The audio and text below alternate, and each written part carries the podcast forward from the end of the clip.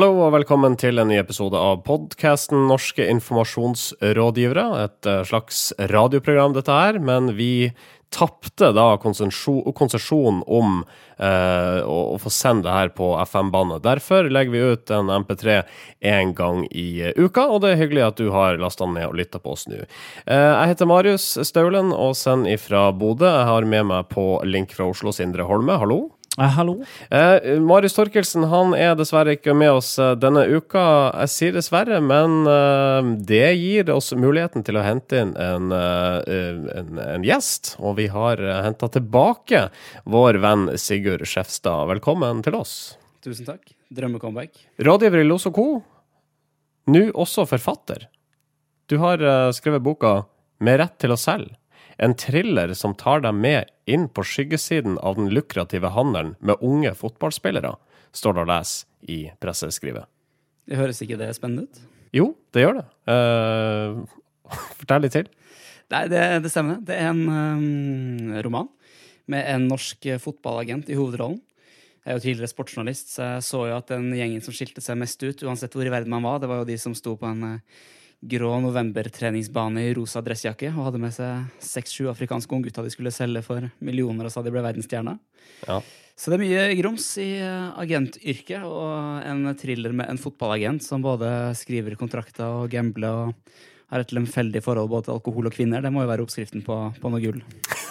ja, det høres sånn ut. Det jeg alltid har lurt på, Sigurd, eh, når det gjelder eh, Hvor mye må du vite før du skriver om noe? Altså hvor mye vet du om uh, den typen handel? Jeg vet ganske mye. Ja. Uh, og det mener jeg er en forutsetning, fordi hvis du skal skrive en roman fra fotballmiljøet, som få har gjort, så må du ha en viss kunnskap, for ellers blir du jo fort avslørt. fordi fotball, de som er interessert i fotball, vet jo mye sjøl. Samtidig så er det jo herlig å skrive fiksjon, i motsetning til journalistikk, fordi da kan du finne på akkurat hva du vil. Litt sånn omtrent som å være reklamemaker. Men eh, hvordan, altså, hvor langt er det fra fiksjon til uh, sannheten, for å si det sånn? Det er veldig kort vei. Det er noen episoder som er henta direkte fra virkeligheten, og som noen kommer til å kjenne igjen, og noen humrer av, og noen blir litt forbanna over. Ja. Og så er det andre ting som er funnet på, men uh, har hatt en agent som konsulent som har sagt at uh, slapp av, det her er spennende, men virkeligheten er ti ganger verre. er det noen som er sint på deg nå, tror du? Fordi at du har skrevet om dem, og de vil kjenne igjen en eller annen episode, selv om de ikke blir identifisert ved navn? Jeg har vært veldig tydelig på å ha noen eh, ekte navn som, som, bare på en måte er med i historien som, uten å ha noe aktiv del, og så er det noen uh, fiksjonsnavn som noen vil mene er ganske tett på ekte navn, og ikke minst hvilke roller de har. Så jeg vil nok tro det f.eks. sitter en, eh, en og annen kar tilknyttet sportsklubben Brann som om ikke sint, i hvert fall er noe indignert. Ja. Såra Vonbroten. Ja, men da, da, får du jo først kikke i, i speilet, og så ta det derfra. Og ca. 70% av årsaken til at du er her i dag, er for å pushe boka? Eneste grunn til jeg sier ja. 100%. Jeg har jo vært her før. Ja, du har jo vært her. Jeg Har mista nyhetens interesse. ja, det er sant. Uh, all right. Uh, Neimen, så bra. Uh, forresten, uh, det er en artikkel i kampanje vi må bare snakke litt om. og den har overskrifta 'Skyt kunder med hagle'. Ja, det, det, er riktig, det. Eh, det er en uh, jovial type uh, som heter Øyvind Magnussen. Han i hvert fall ser veldig jovial ut på bildet. Han skriver at i Norge skyter svært mange markedsførere med hagle fra hoften.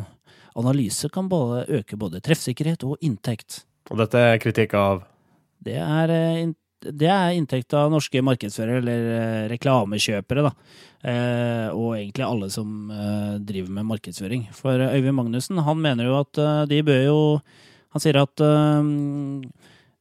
de bør kjøpe mer seleksjon og rapportering, eksplorativ analyse og prediktiv analyse. Og ikke veldig overraskende så er jo Øyvind Magnussen da seniorrådgiver i SAS Institute, som har markedsføring som område, og da selger insekt interessant eh, Det er vel egentlig ukas medieinnsalg allerede der? ja, vi glemte å putte den inn i sendeplanen, så vi tar den nå i stedet.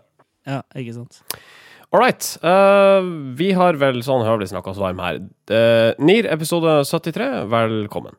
Norske informasjonsrådgivere. Vi skal inn i en debatt som har pågått en stund nå, som starta med et leserinnlegg i Dagens Næringsliv signert Morten Wetland, tidligere politiker og diplomat, nå partner i First House. I en kronikk i Aftenposten beskyldte Harald Stanghelle Wetland for å forsøke å drite ut Nobelsjef Torbjørn Jagland ved å referere til utdelinga av fredsprisen til Barack Obama som pinlig. Og ikke nok med det, skrev Stanghelle den 21. mai, ubekrefta rykter kan fortelle at Wetland gjør det på vegne av kinesiske interesser, som ønsker å sverte Jagland og Nobelkomiteen. Eh, det var altså utgangspunktet, og nå kommer vi inn på det vi skal diskutere, nemlig PR-rådgiverens rolle i det offentlige ordskiftet. Anders Giæver i VG mener PR-rådgivere ikke bør mene ting om annet enn eget fag offentlig. Jarle Aabø er selvfølgelig svært uenig, men eh, Elin Ørjansæter, tidligere rådgiver i Børsen Marsteller, nå skribent i Nettavisa, gir Giæver medhold. PR-rådgivere bør holde munn, skriver hun. Ja, eh, Ørjasæter hadde jo en svært kort karriere i Børsen Marsteller etter at hun var ute og mente noe om et samfunnsspørsmål. Eh, og forsto at en av kundene til Børsen Marsteller ikke likte det så godt. Så her har jo Det er jo ganske fint, syns vi, at det spørsmålet blir tatt opp. Fordi det er det er jo Vi vil jo at, ha åpenhet i PR-bransjen. Men det er jo hva slags åpenhet vi vil ha, da, som er viktig å diskutere nå, syns jeg. Det, er, det, har vært veldig, det har vært veldig mye sånn kritikk av, av hemmelige, hemmelighold osv. Men her kommer det faktisk en sak som viser at PR-byråfolk uh, egentlig bør holde en lav profil i en del saker. Jeg tror Første gang jeg leste innlegget, så tenkte jeg Først syntes jeg var veldig spennende. Og det var på en måte litt deilig befriende også at noen fra den liksom lukka diplomatiske kretsen endelig snakka ut om, om hvordan liksom, den samtalen hadde vært inne i det lukkede rom, og reaksjonen på en fredspris. Eh, det veldig, og det som kom fram, var egentlig veldig spennende. Og så så jeg jo på en måte, ok, tidligere FN-ambassadør, men også nå rådgiver i First House. Oi, her kommer det til å bli stilt noen spørsmål. Og så Det er litt sånn ambivalent, for jeg syns det er på en måte flott at han, han, går ut og mener det her, og han kan godt si eller altså, Jeg mener at vi godt kan tro han på at det her utelukkende egentlig er hans personlige interesse å få fram. Eh, men utfordringa er jo så lenge det er såpass lett for noen å ikke tro på det, og, og, samtidig man vet det som har kommet fram i etterkant, at First House deltar i noen fora hvor, hvor om ikke kinesiske interesser, så i hvert fall norske interesser overfor Kina blir diskutert, så blir det en umulig rolle som for så vidt han kan ha klar, så Vetland kan ha den klar i, i sitt hode og i sitt virke. Men når andre ikke oppfatter det sånn, så har du, har du et problem. Altså, eh, jeg syns eh, Gelman Kisa har gjort noe smart der. For i, i fjor høst så, så tok de veldig tak i dette med åpenhet og, og var opptatt av å skulle være åpne. Uh, de hadde et par caser. Uh, mange kjenner den her. Uh, de jobba for en vei til en eller annen liten kommune på, på Vestlandet. Vik. Vik kommune, som de var veldig åpne om, og fortalte hvordan prosessen var for å påvirke politikerne til å sette den veien på Nasjonal transportplan. Med, den, med, det som eksempel eh, så fremstår GK som mye mer åpne enn andre PR-byråer som jobber med lobbyisme.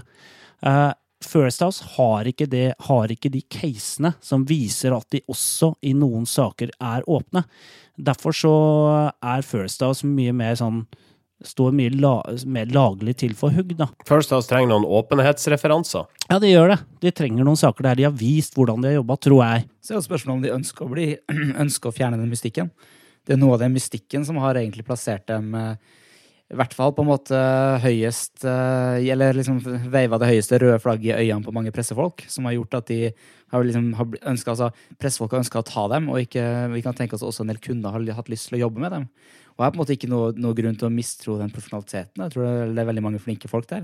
Men klart, skal du ha den balansegangen hvor du både skal være litt hemmelig og mene litt offentlig, så, så, så vil du etter hvert eh, snuble litt. Ja, Det er jo ett byrå i Norge som, har, som fikser det her veldig godt, og det er jo Mørland og Johnsen. Et ganske lite byrå som tjener penger som gress.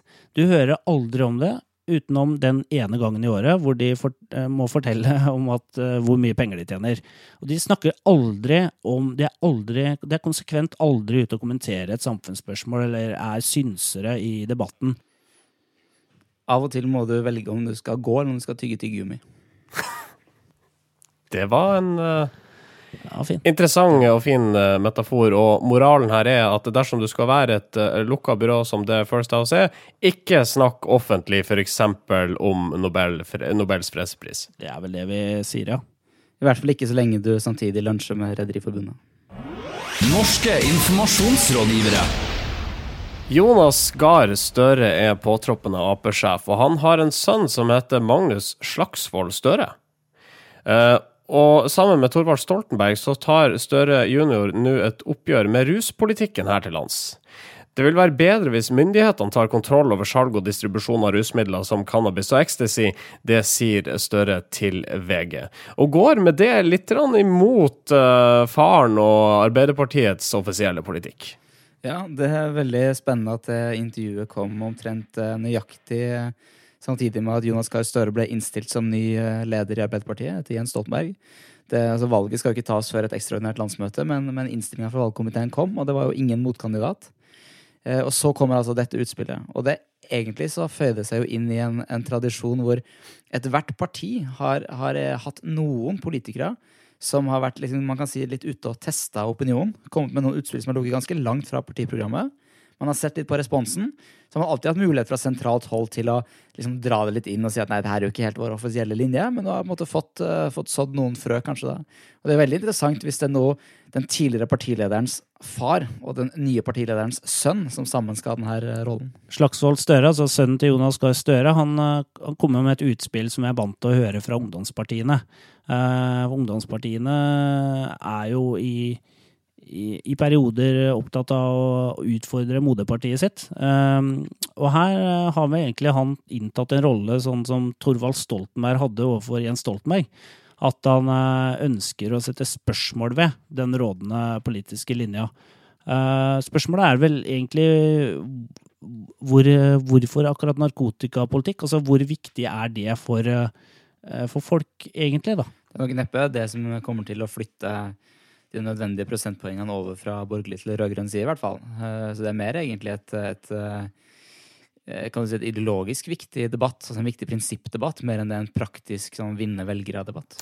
Men eh, altså, tenk dere nå at det at dette laget her med Magnus Slagsvold Støre og Torvald Stoltenberg, at de går ut med å ytre en slik mening nå, at det kan være planlagt? For å ha den motsetninga til offisiell partipolitikk i Arbeiderpartiet? Det er i hvert fall veldig godt tima. Enten det, og du kan også si her at det er en tredjepart som vi ikke har snakka om, og det er jo VG.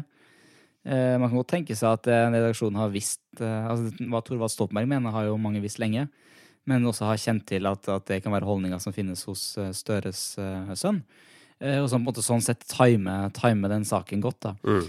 Eh, men, men, de føyer seg uansett planlagt eller ikke inn i en veldig lang tradisjon. Du har hatt uh, Arbeiderpartiet har hatt Jan Bøhler og Rune Gerhardsen, som gjerne har kommet med litt sånne ja, for å si det folkelig, litt sånn Gale-Mathias-utspill om asylpolitikk for å, for å, strekke Arbeiderpartiet litt den veien.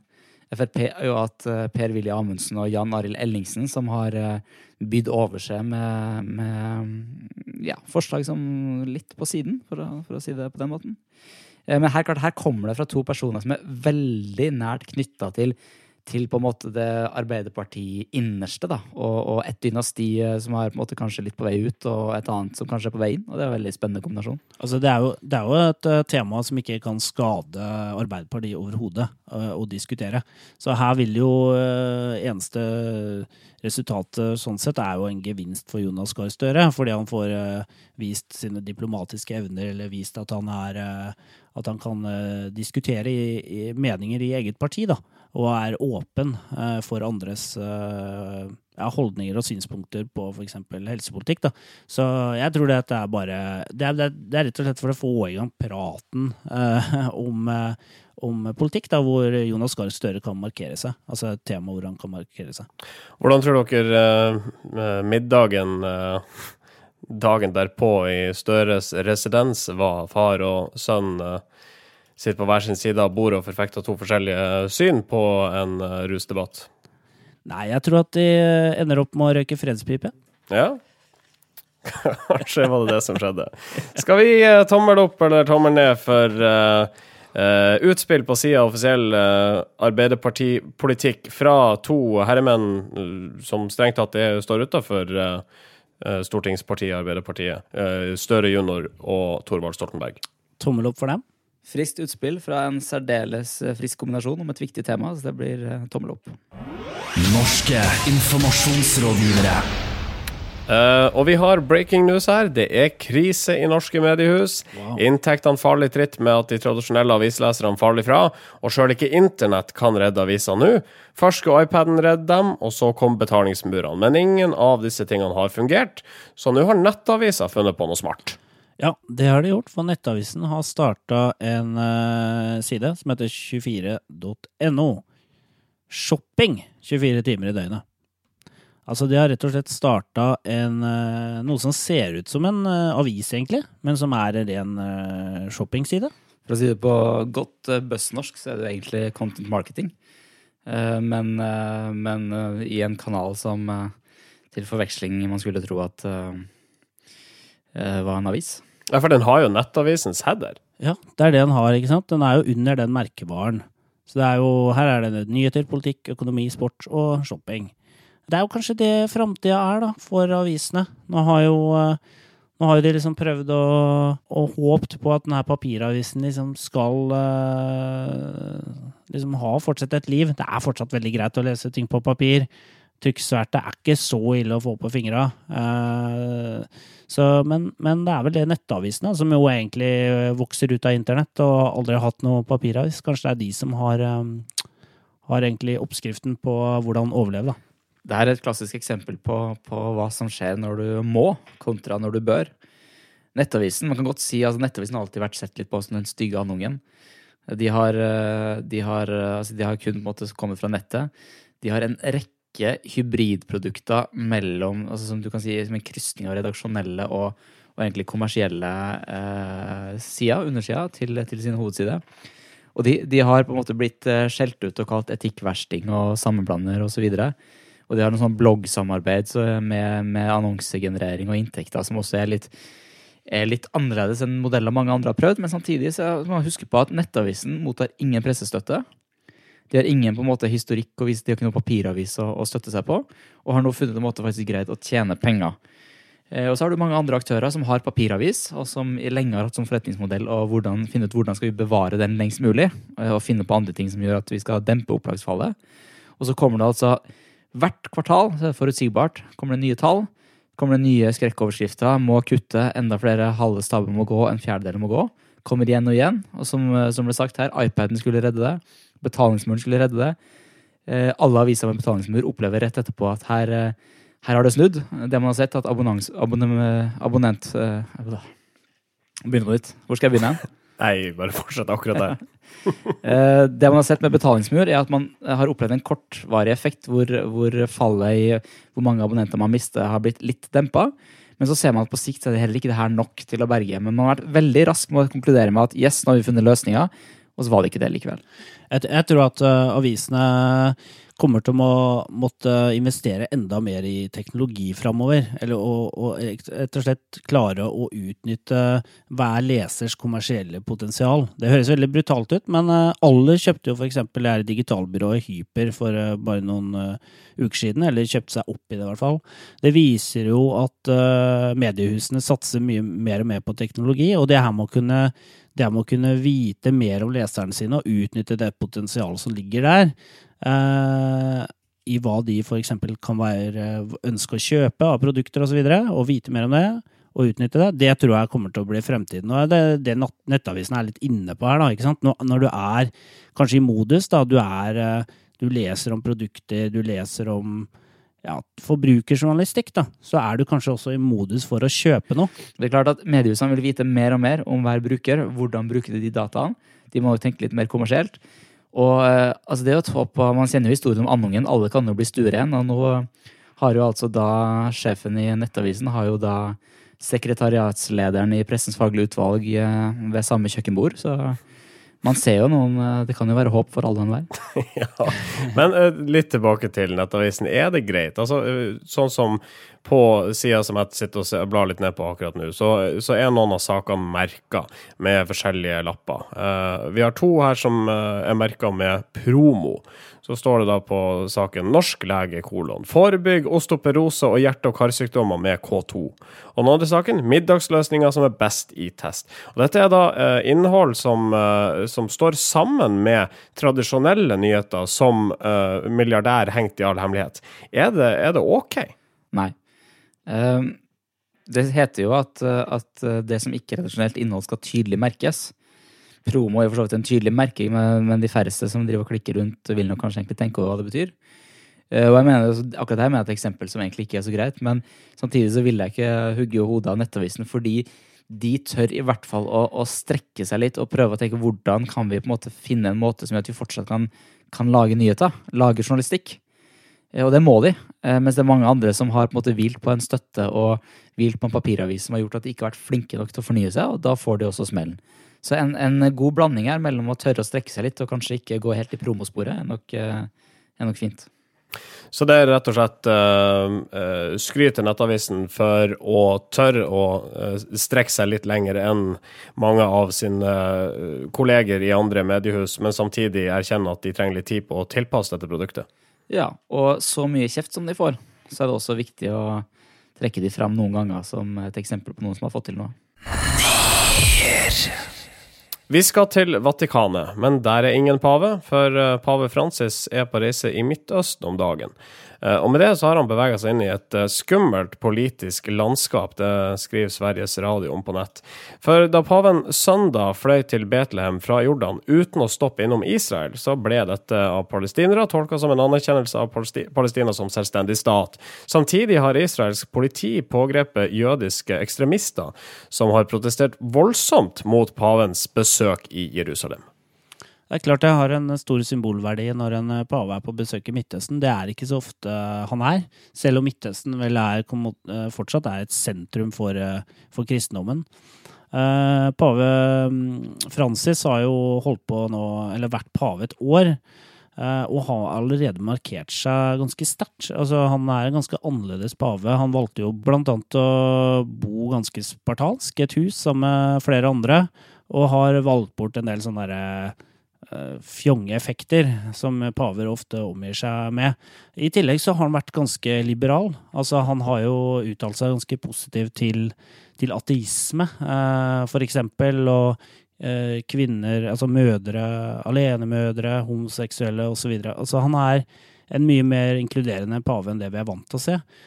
Og når han da kom til Midtøsten, så noe av det første han gjorde, var jo å å be foran den herre muren, eh, den forhatte muren som separerer eh, israelere og, eh, og palestinere. Eh, Jeg syns det er veldig spennende ut fra et sånt jeg kommunikasjonsperspektiv. At han reiser dit, og hvor, altså hvem han velger å møte, og hvor han velger å bli avfotografert. Og jeg hørte en, hørte en kommentar fra, fra en kjenner av dette som sa at, eh, at paven i stor grad oppførte seg så altså Han var en, en ekte prest. I den forstand at han brukte veldig mye tid på å lytte til de han møtte, før han, før han sa noe selv. Og når han først sa noe, så, så på en måte veide han ordene sine eh, veldig, veldig godt. Og det er jo klart det er viktig når du reiser til et sånt område. Men bare det å ta det initiativet eh, og klart Det er mange som har forsøkt å, å få, få, få bedring i området der uten å lykkes. Eh, Og at paven faktisk tør, ut fra sin posisjon, og måtte ikke bare stå ved Petterskirka på balkongen og vinke, og så gå inn og sette seg igjen i, i å se på utsikten, men faktisk gjør noe. Jeg synes det er veldig positivt. Men det han eh, har gjort eh, på det besøket, er, er jo også å invitere Mahmoud Abbas, som er palestinernes leder, og Shimon Peres til Vatikanet. Og har invitert, han har invitert dem med seg for å be for fred i Vatikanet, og begge har etter sigende takka ja til det. Og det, er- det syns jeg er utrolig spennende, fordi nå er vi en sånn Det er et vakuum i Midtøsten. Det er jo ingen, fred, ingen som har tro på fred, sånn situasjonen er i dag. USA er kanskje ikke veldig interessert i, i spørsmålet. Norge er i hvert fall ikke i, sitt, i posisjon til å gjøre det, eh, ser det ut som. Så her kan jo paven få en helt ny rolle. Eh, som fredsmegler, faktisk. Det ville vært interessant om paven hadde klart å forhandle, forhandle fred i Midtøsten. Da har han uh, gjort en jobb uh, svært mange har forsøkt på tidligere, men ikke lykkes med. Ja, han sier jo at han er på besøk i Midtøsten eh, med en religiøs misjon. Altså, det er jo ikke, han er ikke politiker, sier han, men, men det er også litt eh, kan bli utfordringen hans her. ikke sant? For nå trer han jo over i et sånn politisk eh, minefelt, egentlig. Altså det største minefeltet i verden, egentlig.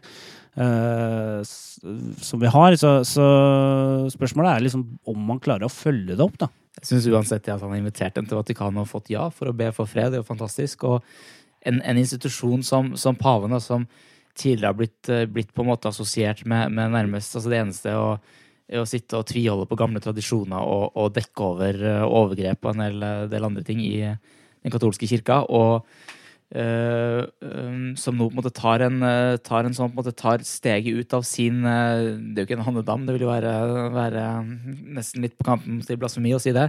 Men du i hvert fall trer ut av en helt annen Du setter deg inn i en helt annen kontekst. Det er veldig spennende. Nier. Gutenberg. Pergamentrull. Tresko.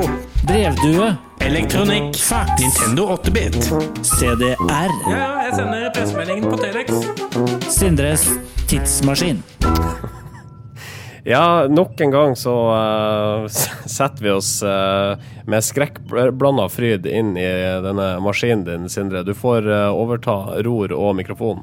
Jeg overtar roret ror, jeg, og mikrofon. Eh, alle setter seg ned, på med beltene. Vi skal ikke så veldig langt, men det er likevel eh, lurt å sitte fastspent. Ja. Så eh, OK, klare?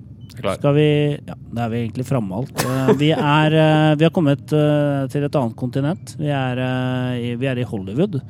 For det er et kontinent. Ja, ja i Hollywood-kontinentet. Eh, Ja. Det er jo et eget Det er jo liksom antarktisk. Antarktis eh, og ja, Grønland, på en måte. Men eh, film, et annet filmkontinent kan du si enn Europa. Her er vi jo glad i kunstfilm, men der borte er vi er glad i kommersiell film. Og der eh, står jo filmplakater. Hollow Man, The Animal, The Patriot, A Night's Tale.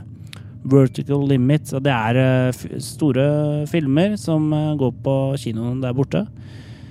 Eh, og det vi kan se på eh, på de plakatene, det er at det står eh, anmeldelser eller sitater fra en uh, journalist som heter David Manning.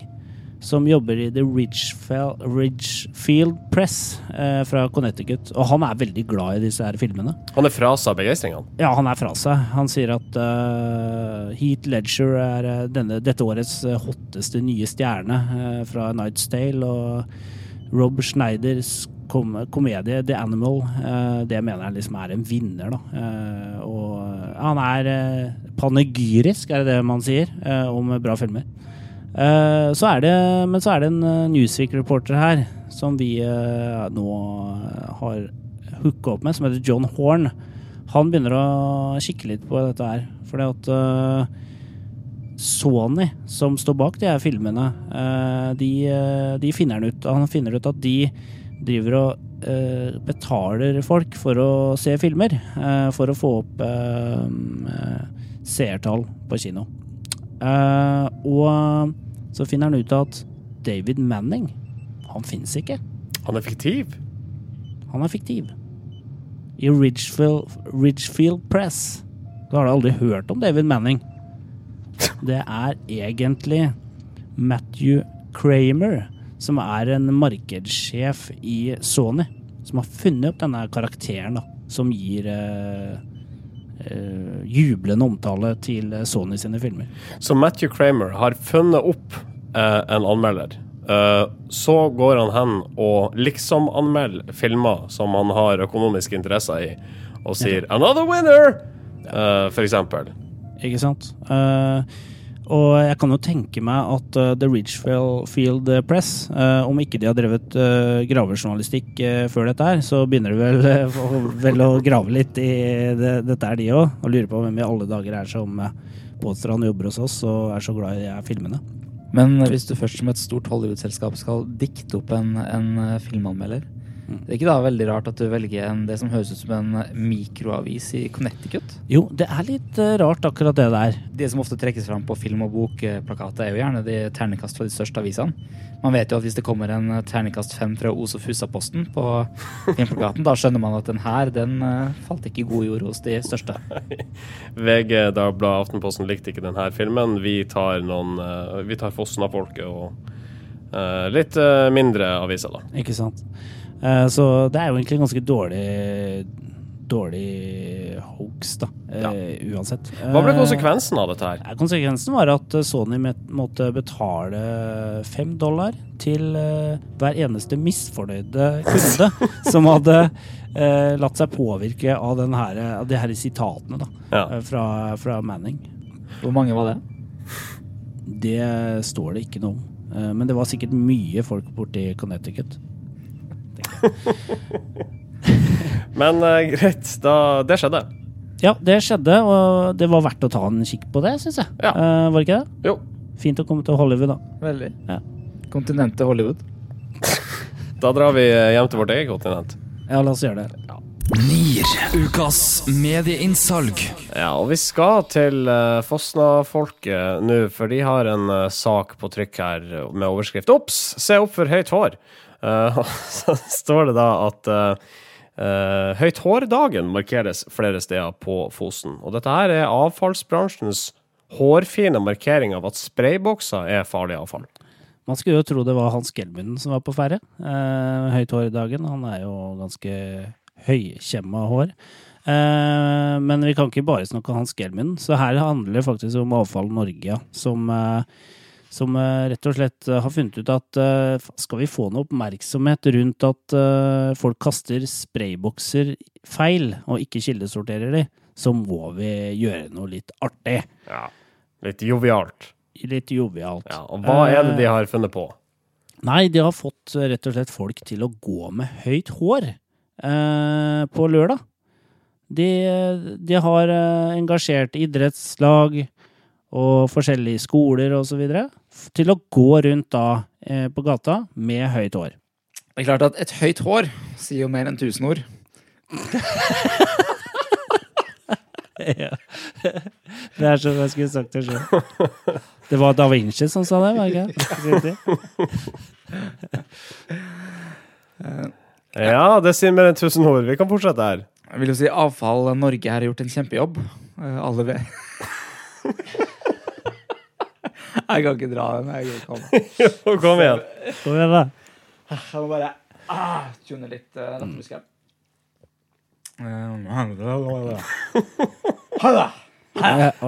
Du vet at vi kjører uredigert podkast om dagen? Det, det er sånn innhold som vi tar med. Sånn som akkurat det. All right, da prøver vi en gang til. Høyt hår sier mer enn 1000 ord. Ja. Jeg vil gi vanvittig kred til Avfall Norge, fordi mine mest pinlige øyeblikk som, eh, som PR-rådgiver har vært når jeg har forsøkt å få redaksjonelle saker rundt sånne artige dager, eh, som er signert en eller annen eh, aktør. Det er klart, men, men de har jo tatt tak i, tak i den, det urgamle liksom, læresetningen om et høyt hår som sier mer enn tusen ord. Og eh, alle på Fosen eh, som den dagen skjønte jo med en gang at høyt hår, den sprayboksen, den må ut. Jeg er jo hytte på Fosen og skal dit snart, så jeg er bare litt sånn skuffa over at eh, Eller jeg håper jo altså en sånn sprayboks er ganske sterk, Ja. så jeg håper jo at, at håret fortsatt står høyt, sånn at jeg blir minna på å finne den sprayboksen som jeg av helt naturlige alderdomsårsaker ikke har brukt på ti år. Ja. Jeg skal finne den innerst i skapet og kildesortere den. Jeg, synes, jeg liker jo veldig godt at miljøbevegelsen har gått fra sånn pekefingerkommunikasjon til mer sånn mulighetsorientert kommunikasjon. At eh, ja, du, kan, eh, du kan gjøre masse sprell, men opptre miljøvennlig samtidig. Mm. Jeg bare legge til at, at litt sånn, selv om jeg har veldig respekt for Avfall Norge, så er jeg jo litt skuffa for at det ble ukas medieinnsalg. Jeg var sikker på at jeg, at jeg skulle jo nå opp selv, da, som hadde greid å bli gjesteprogramleder i NIR eh, rett etter å ha, ha gitt ut min egen bok da, med rett til å selge. Men det nådde ikke opp. Det ikke opp. Ja, det er jo ukas kudos, det, da. Ja, vi har vel ikke noe annet på kudos, du får få den Nei. i stedet. Ja, greit. Norske informasjonsrådgivere. Ja, vi nærmer oss eh, slutten, eh, men Sigurd, du kom drassende med en sak helt på tampen.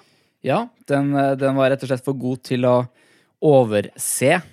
Der ligger det et lite ordspill som, som nok vil bli, bli tre klart fram når dere hører hva det gjelder. Ja. Spent. Mm. Det var altså da eh, Vi har jo tidligere i sendinga snakka om hvordan hver, hver dag har sin PR-knagg. Ja. Også 17. mai. Det var altså da Brilleland eh, som fant ut at 17. mai, det, det må vi kunne bruke til noe. Og hengte seg da på den trenden at, altså, eller det, det faktum at flere og flere bruker bunad.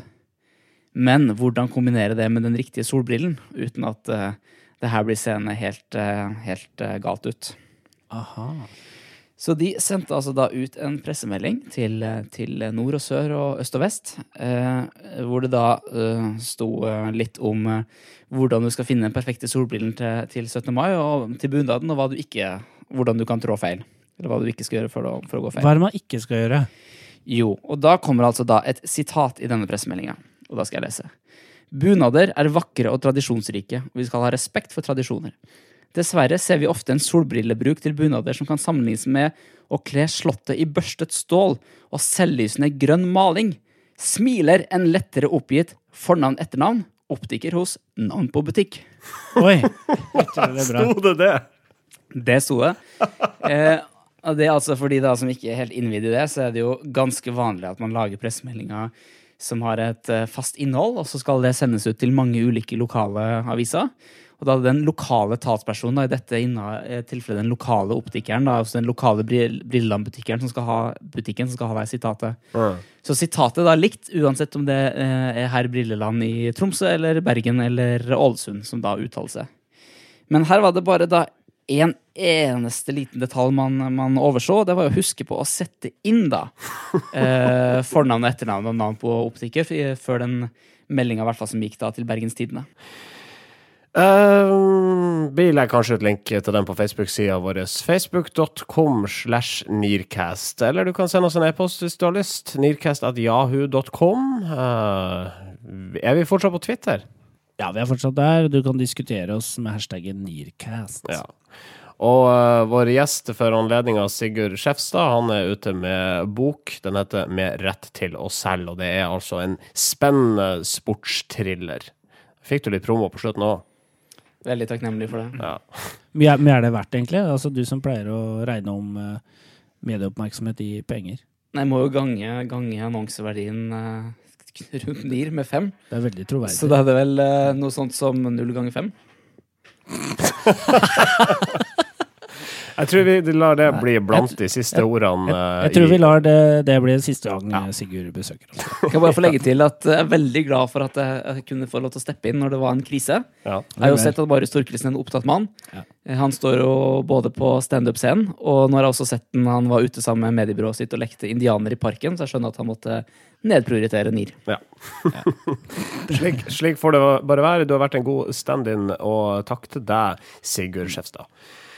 Eh, da sender vi vel bare ut. Vi høres igjen om ei uke, folkens. Vil du si ha det, Sindre? Ja, eh, ha det her fra Oslo. Sindre sier ha det. Og det gjør vel også Sigurd eh, der borte? Gjør det ikke det? Jeg trodde siste ord var sagt, men eh, da får jeg også si et adjø og forhåpentligvis på gjensyn. Ha det. Norske informasjonsrådgivere.